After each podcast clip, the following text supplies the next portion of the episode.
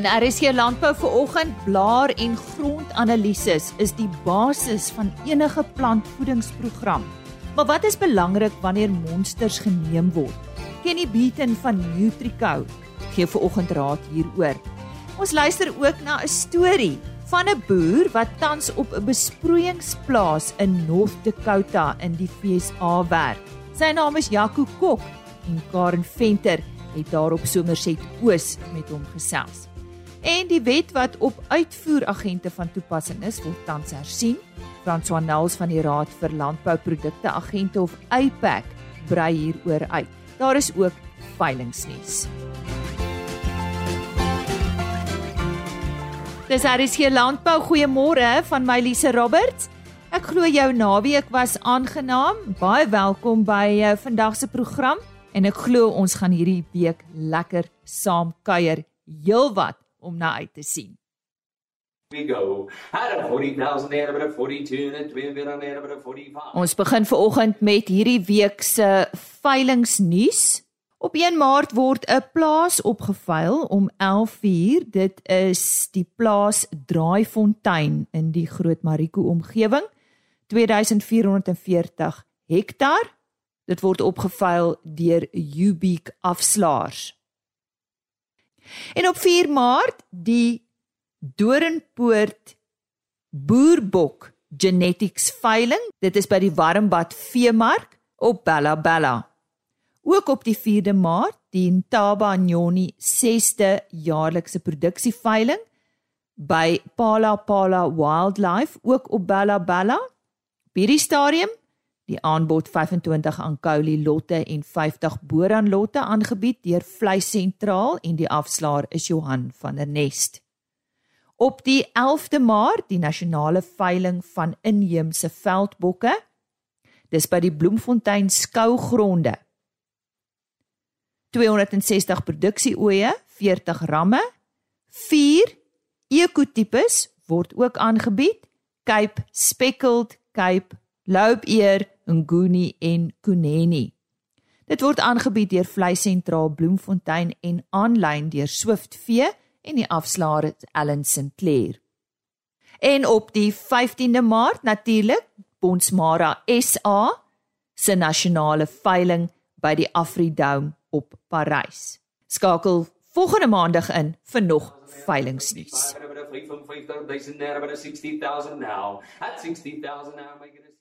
Ons gesels vandag weer oor uitpak en verwelkom soos altyd vir Frans van Nals in die ateljee. Nuwe jaar, nuwe dag, baie welkom. Baie dankie Lise.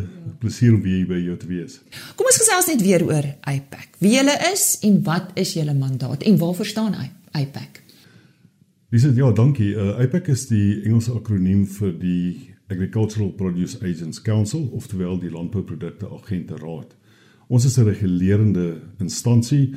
Ons reguleer die werk van agente in Suid-Afrika wat insluit lewende hawe, uitvoeragente en varsprodukagente. Varsprodukagente tipies die ouens op marke. So dis ons mandaat. Um, ons mandaat is gevestig in 'n wet en dit is Wet 12 van 1992 en ons kry hierdie wet van die minister van landbou af.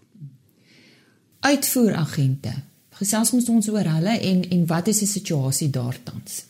Uitvoeragente word ook deur ons gereguleer. Ehm um, ek dink die uitvoeragente is onder geweldige druk in die laaste tyd met ehm um, Transnet, met die hawens. Hulle het allerlei uitdagings en uh ja, ons het 'n ernstige fokus wat ons moet gee en ek dink daai fokus is een van ehm um, ekstreme hulp wat ons hulle moet aanbied. Boonbehalwe die regulatoriese fokus wat ons het. Wetgewing tans, julle is besig met 'n proses. Waar staan ons? Ons is besig om die uitpak mandaat, dis nou wet 12 van 1992 te wysig.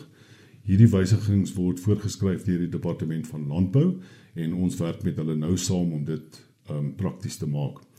Ek wil ek wil iets uh, sê oor regulering. Regulering is soos 'n skeieregter wat 'n rugbywedstryd blaas. As daai skeieregter te streng is, dan is daar geen vloei in hierdie wedstryd nie. Maar as jy ook 'n skeieregter het wat nie um, ferm is nie, dan het jy regtig nie 'n goeie spel nie. En dinge oorsien. Wel verseker. So ons moet seker maak dat ons in die regulatoriese werk wat ons doen, dat ons nie besigheid belemmer nie. Ons moet eerder so werk dat ons die speelveld vir almal gelyk maak en ons moet seker maak dat ons uitvoeragente ehm um, hulle werk kan doen. Maar baie belangrik, die uitvoeragent verteenwoordig ons boere daar buite. Een ding wat ons baie mooi moet verstaan in Suid-Afrika is as daar geen boer is nie, het nie een van ons se werk nie. Ons ekonomie sal swaar kry. Landbou is die basis van ons ek ekonomie in 'n baie mooi land. Ons het 'n baie mooi industrie, ons het 'n mooi bedryf en ek dink ten alle koste veral van my as reguleerder, ons moet alles doen om om dit op te pas. Maar ons moet dit doen in balans en ons moenie oorreguleer nie. Regulatories se fokus waar eh, ervaar jy huidig enige probleme? Ek dink um, in terme van ons uh, wet, ons wet word ondersteun deur reëls en dan vir elke been wat ons reguleer is daar 'n stel reëls, so ook vir die uitvoere. Hierdie ehm um, wet is tans nou soos ek vir jou gesê het onder ehm um, hy word herskryf en herdink en herwerk en ons moet seker maak dat dit wat ons as finale produk op die tafel neersit uiteindelik die boere baie beter sal beskerm. Maar nie net dit nie, ons moet die speelveld vir die agente ook gelyk maak.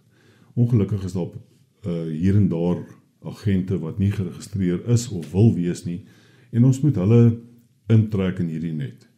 Uh, wat geld vir een moet geld vir almal en ons moet seker maak dat daai speelveld absoluut gelyk is. Is daar een of twee goed waarna jy kan verwys iets wat jy kan uitlig? Ek dink so, ehm um, dis belangrik dat ehm um, as 'n boer met 'n agent werk dat hy moet seker wees dat hierdie agent ehm um, rigsteen het deur iemand soos IPAC. As iets verkeerd loop, dan kan die boere hulle self beroep op IPAC en ons sal ondersoek en help waar ons kan uh, as dit as so 'n agent nie by IPAC geregistreer is nie, is dit problematies en dan het die boer nêrens omheen te gaan nie. So dan is daar die moontlikheid van finansiële verlies, reputasieskade.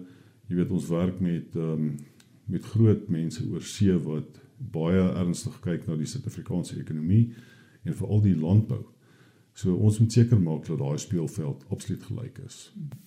Hierdie hersiening van wetgewing, hoe lank gaan dit neem, Fransoa? Dit is maar 'n proses. Ek dink um, ons wil dit nie jaag nie. Ons is in die hande uh, van die departement van landbou. So ons insette um, is maar een van vele insette uit die uit die bedryf word ook gevra. Um, hulle gee hulle eie insette wat die minister verwag.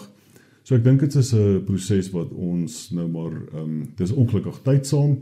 Ons hoop dit sal binnekort um, die lewe sien. Ek wil net sê hierdie hierdie wysiging moet een ding ehm um, absoluut uh tot doel hê en dit is om die totale industrie beter te maak. Nie te oorreguleer nie, maar ons moet kyk na die boere en ons moet kyk na die agente ook. Behalwe vir die wetgewing, hoe lyk die toekoms? Die toekoms is blink. Ehm um, ek dink ek dink regtig ons moet ons moet uh die omstandighede wat ons tans ervaar met uh gate in die paaie, donkerte hier en daar dit is dinge wat ons mee saamleef en ons as Suid-Afrikaners in my opinie is baie goed om hierdie goeders kreatief te bestuur. So ook moet ons as ons ons werk doen in die landbou moet ons weet kyk na die probleme. Daar is maniere om verby dit te kom. My beroep op die industrie is ek dink dit is nou die tyd dat ons meer as ooit hande moet vat en met mekaar moet saamwerk. Ons is baie geneig om in hierdie silo's te werk en elkeen is op sy eie ehm um, projekkie besig. Kom ons vat hande. Kom ons kyk hoe ons saam hierdie uitdagings kan oorwin. Dis my beroep. Dis wat ek glo en dis wat ek sien IPAC vir hierdie industrie kan beteken. Baie dankie Franso. Baie dankie. Sy Franso Nels van IPAC wat vandag bietjie oor hulle bedryf gesels het en uh, ook uh, die wetgewing wat hersien word.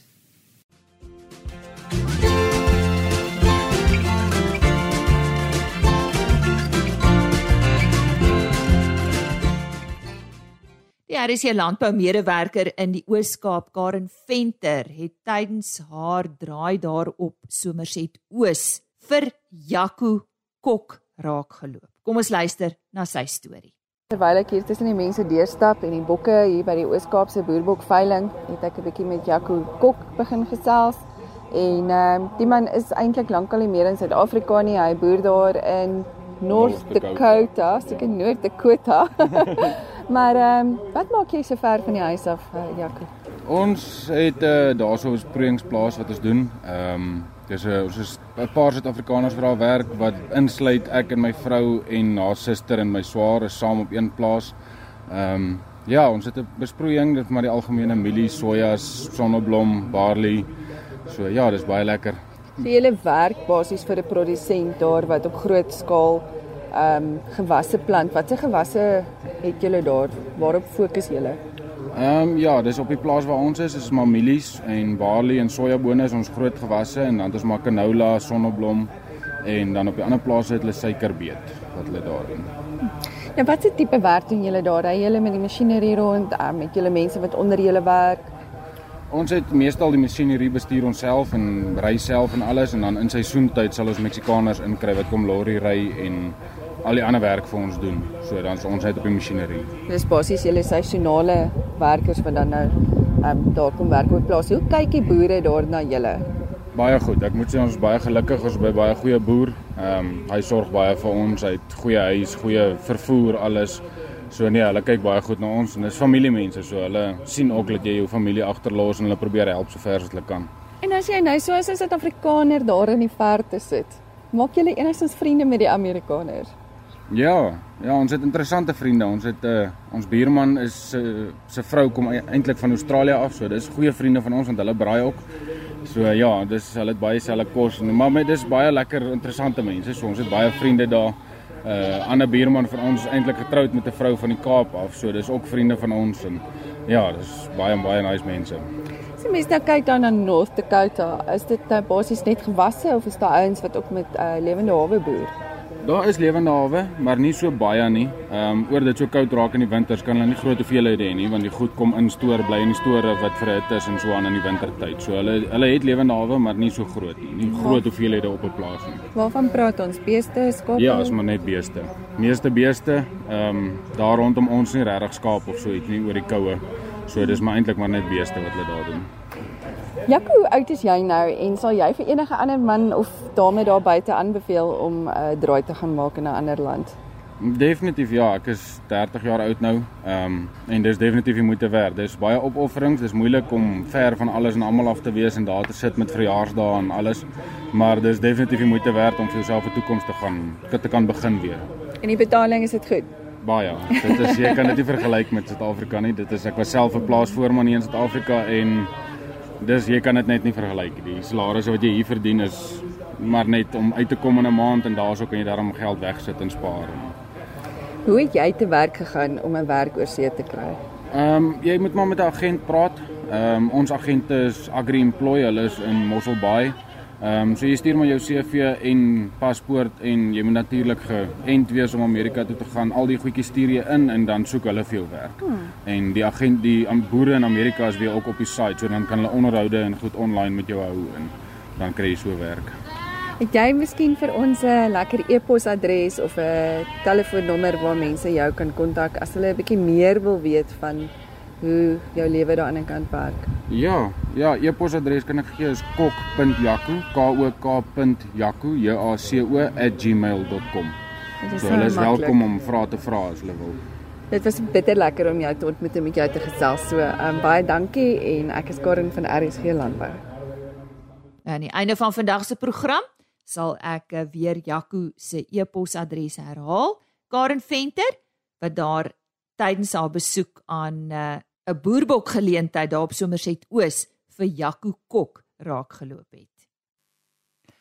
Vir ons hoor wat Kenny Beaton van Nutrico te sê het oor blaar en grondanalises. As jy graag saam met die natuur wil boer en jy is in die Kalitsdorp en Oudtshoorn omgewing, daar word twee voldag werkswinkels aangebied deur die Cape Leopard Trust in vennootskap met Cape Nature. Hierdie opleiding moedig roofdierkonflikverligting en boerdery bestuursmetodes aan wat die natuur beskerm en produktiwiteit verhoog. Dit word aangebied by Bella de Karoo tussen Calitzdorp en Oudtshoorn en Chevou Luit bied dit aan. Ek het al met hom oor hierdie werkswinkels gesels. Dit is boer saam met die natuur werkswinkels en indien jy belangstel, stuur vir my 'n e-pos of jy kan 'n navraag stuur na communityOutreach@capeleopard.org.za. Ek herhaal community outreach by capeleopard.org.za. Meer inligting oor hierdie werkswinkels op 8 Maart fokus dit op holistiese droogtebestuur en op 19 April holistiese predasiebestuur. Ek herhaal net weer daardie inligting. Dit is community outreach by capeleopard.org.za. Stuur gerus 'n e-pos vir my of hiernatoe vir meer inligting oor hierdie werkswinkels. Ons fokus volgende saam met Nutrico op blaar en grondanalises. Nou ek het so einde verlede jaar ook met Kenny Beaton van Nutrico gesels. Hy is hulle streeksbemarker en ook 'n sitrus spesialis. Kenny, goeiemôre. Hoekom is blaar en grondanalises belangrik en, en watter voordele hou dit in vir die produsent? Goeiemôre Lisa en luisteraars. Uh eerstens baie dankie vir die geleentheid om weer bietjie by julle te kan kuier hier by RSG Landbou. Ehm um, Lisa, die eerste vraag dek eintlik uh, twee belangrike fasette van die onderwerp. Om die eerste deel van die vraag te antwoord, die neem van grond en blaarmonsters in die landbou is van kritiese belang uh om die basis te vorm vir enige plantvoedingsprogram. Die belangrike inligting wat daardeur verkry word, is die huidige nutriëntvlakke in 'n gewas en dan ook enige wanbalanse kan gesien word in nutriëntvlakke van die gewas. Dit wil sê die analise kan gesien word amper as 'n robotstelsel met verskillende vlakke van elemente wat op daai stadium teenwoordig is. Waar groen beteken die vlakke is binne die gewasnorm, oranje is grenslyn en rooi kan of 'n toksisiteit wys of 'n tekort wys van 'n element. En dan op die grond analises, grond pH en soutindeks van 'n grond dien as 'n belangrike aanwyser wat in ag geneem moet word in die beplanning van grondbemestingsprogramme. En dit sal in, in kort die gips en die kalkbehoeftes bepaal om 'n grond te kondisioneer vir optimale groei van 'n gewas. Dit is belangrik om grondklassifikasie te doen voor 'n land bewerk word waar profielgate gegrawe word en grondmonsters word geneem en dit is om die geskiktheid van 'n grond te bepaal voor landbouverbouing plaasvind om die tweede deel van die vraag te antwoord. Soos ek voorheen in een van ons onderhoude genoem het, is om te meet is om te weet. Dit wil sê met hierdie inligting wat verkry word deur die grond- en blaaranalises, kan akkurate aanbevelings en regstellings gemaak word volgens die behoeftes van 'n spesifieke gewas. En dit hou weer groot voordeel in vir die produsent en dat kunsmis doeltreffend en verantwoordelik gebruik kan word. Lisa terwyl onderbemesting kan lei na swak oestes en swak vrugkwaliteit, net so kan oorbemesting baie nadelige effekte inhou vir ons gronde en die lewensvatbaarheid van microbiologie in ons gronde. As ons sien na die biologie van ons gronde kyk, he, gaan ons opeindig met niks meer as 'n groeimedium nie en dit wil ons hê nie.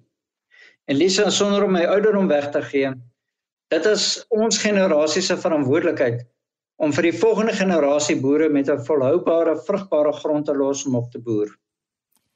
Jy klink vir my nog baie jonk, Kenny, as ek net nou moet noem. uh, Kenny sê vir my nou hoe gereeld moet blaaranalises en grondanalises onderskeidelik gedoen word? Lisa, dit is 'n belangrike vraag vir produsente soms kan oorsien as gevolg van die stygende kostes in die landbou. In die geval van blaarmonsters is dit verkies om op 'n seisoenbasis te doen. Dit wil sê ten minste 1 mil per jaar op 'n permanente gewas. 'n Database kan op so 'n manier opgebou word oor tyd en die tendense in 'n spesifieke boer te monitor. Regstellings en bestuurspraktyke kan dan aangepas word. Lesse in die geval van grondmonsters, in stabiele gronde kan monsters ten minste elke 2 tot 3 jaar geneem word.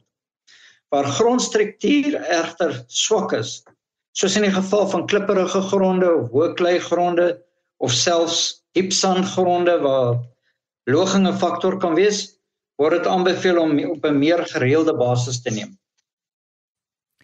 Wat is die goue reël wanneer dit kom by die neem van blaarmonsters?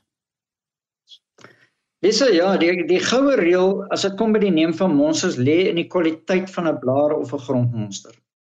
Die kwaliteit van die blaarmonster of die grondmonster gaan die resultaat op die einde van die dag bepaal.